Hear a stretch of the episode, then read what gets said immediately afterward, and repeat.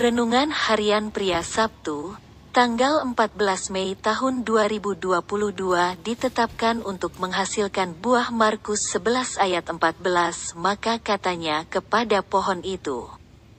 Jangan lagi seorang pun makan buahmu selama-lamanya, dan murid-muridnya pun mendengarnya.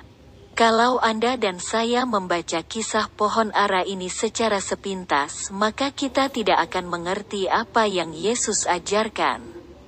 Yesus datang ke pohon ara yang sudah berdaun, tetapi ia tidak mendapatkan satu buah pun.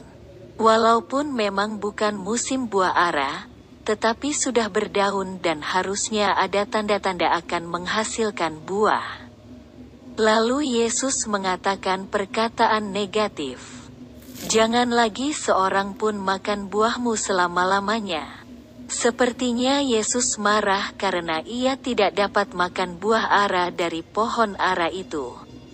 Sebenarnya, Yesus sedang mengajarkan sebuah perumpamaan tentang bangsa Israel yang sering digambarkan sebagai pohon ara. Tuhan mau bangsa Israel sebagai bangsa pilihannya dapat menghasilkan buah. Tetapi ternyata karena pemberotakan dan ketidaktaatan mereka meninggalkan Tuhan yang sudah memilih mereka. Di dalam Kristus, anda dan saya sudah dipilih oleh Tuhan untuk menjadi anak-anaknya yang menghasilkan buah. Agar melalui kehidupan kita nama Tuhan dimuliakan dan menjadi kesaksian serta berkat bagi banyak orang. Ketidaktaatan kita terhadap firman-Nya akan membuat kehidupan kita tidak akan menghasilkan buah. Dan karena kehidupan kita tidak menghasilkan buah, maka kehidupan kita tidak akan memuliakan nama Tuhan. Dan sebagai akibatnya, kehidupan kita tidak dapat menjadi berkat bagi orang-orang lain. Oleh karena itu, marilah kita dengan pertolongan Tuhan berfungsi sebagai anak-anaknya yang taat kepada kehendaknya, kepada firman-Nya.